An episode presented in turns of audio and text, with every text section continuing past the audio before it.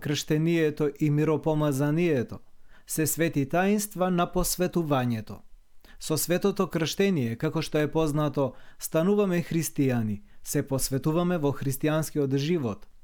Но за жал и како крстени, како посветени во христијанскиот живот, со гревот ние често ја нарушуваме душевната целосност која што ни е дарувана со светите тајни крштение и миропомазание.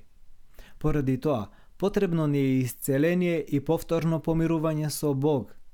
Затоа Бог, по својата милост, на својата црква ја оставил светотаински средства за исцелување на христијаните.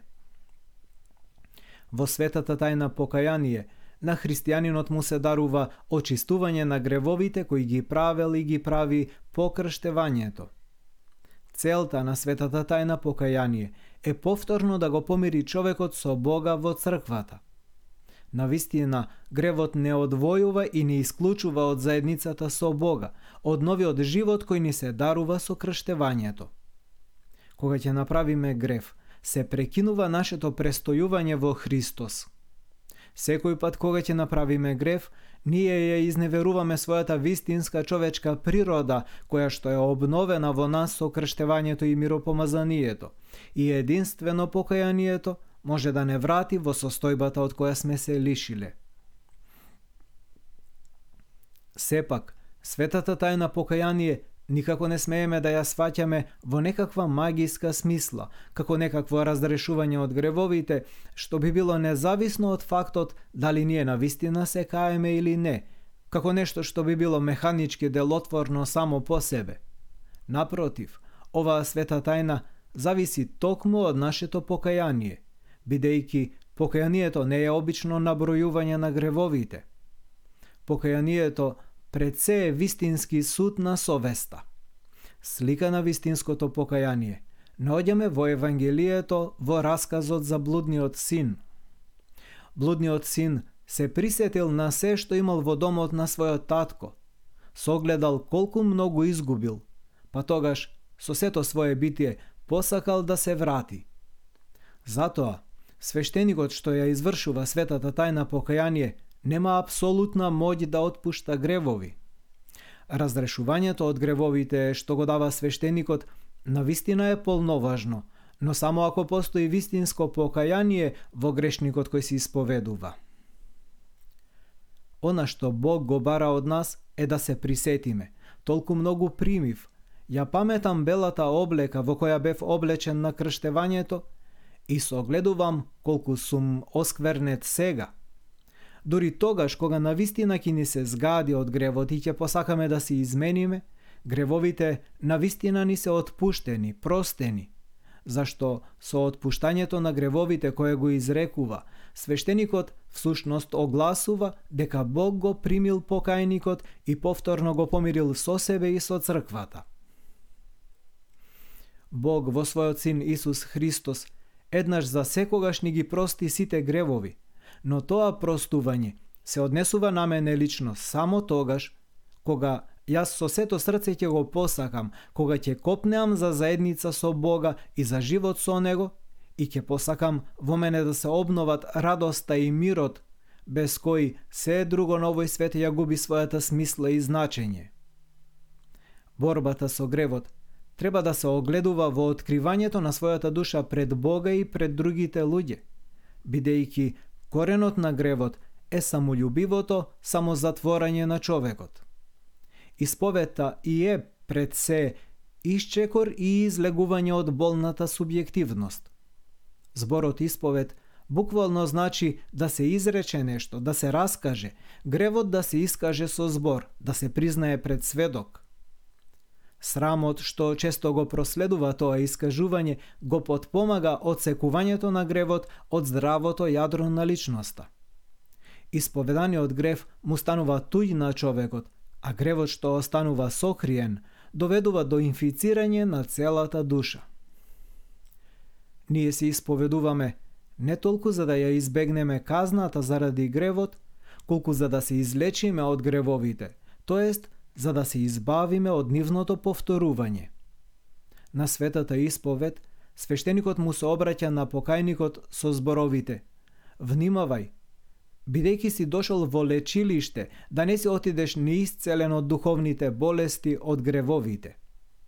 Гревот ја разбива нашата личност и само Божијата љубов е способна да ја врати во состојба на целосност, односно да ја исцели. Во свештенодејствата на црквата, самиот Господ Исус Христос не исцелува со неговата љубов – Гревот не се состои толку во посебните постапки, колку што представува постојана болест која на човекот не му дозволува да го прима дарот на божествената благодат, тоест го лишува од изворот на вистинскиот живот. За искоренување на таквите гревови, какви што се гордоста и егоизмот, потребно е постојано внимание на себе си – борба со лошите помисли и горко жалење поради честите согрешенија. Тоа и е всушност постојаното покаяние. За да се вдишува благодата, потребно е постојано да се издишува здивот на гревот. Затоа е потребно постојано да се проверуваме себе си, да се преиспитуваме, да наоѓаме време да го провериме денот што изминал. Оној што ја занемарува секојдневната хигиена на душата – лесно запаѓа и во големи гревови, дури и незабележително. Подготовката за исповед ја чинат и осамувањето заради размислување за собствените гревови, молитвата, постот, читањето на Светото Писмо и Светите Отци и други духовни книги. Например, книгите од издавачката дејност на Кумановско-Осоговската епархија се достапни на сајтот на епархијата koe.mk и на Facebook страницата Тавор, која ќе ја најдете ако на Facebook опцијата за барање впишете tavor.koe. Од техничка страна, исповедта треба да биде потполна, конкретна, да се каже гревот без детално опишување, без самооправдување и без спомнување на имиња, без вмешување на други луѓе. Пред исповедта, мора да се помириме со сите, простувајќи им и барајќи простување. Затоа, црквата го започнува Великиот пост со денот посветен на простувањето, со денот наречен прочка.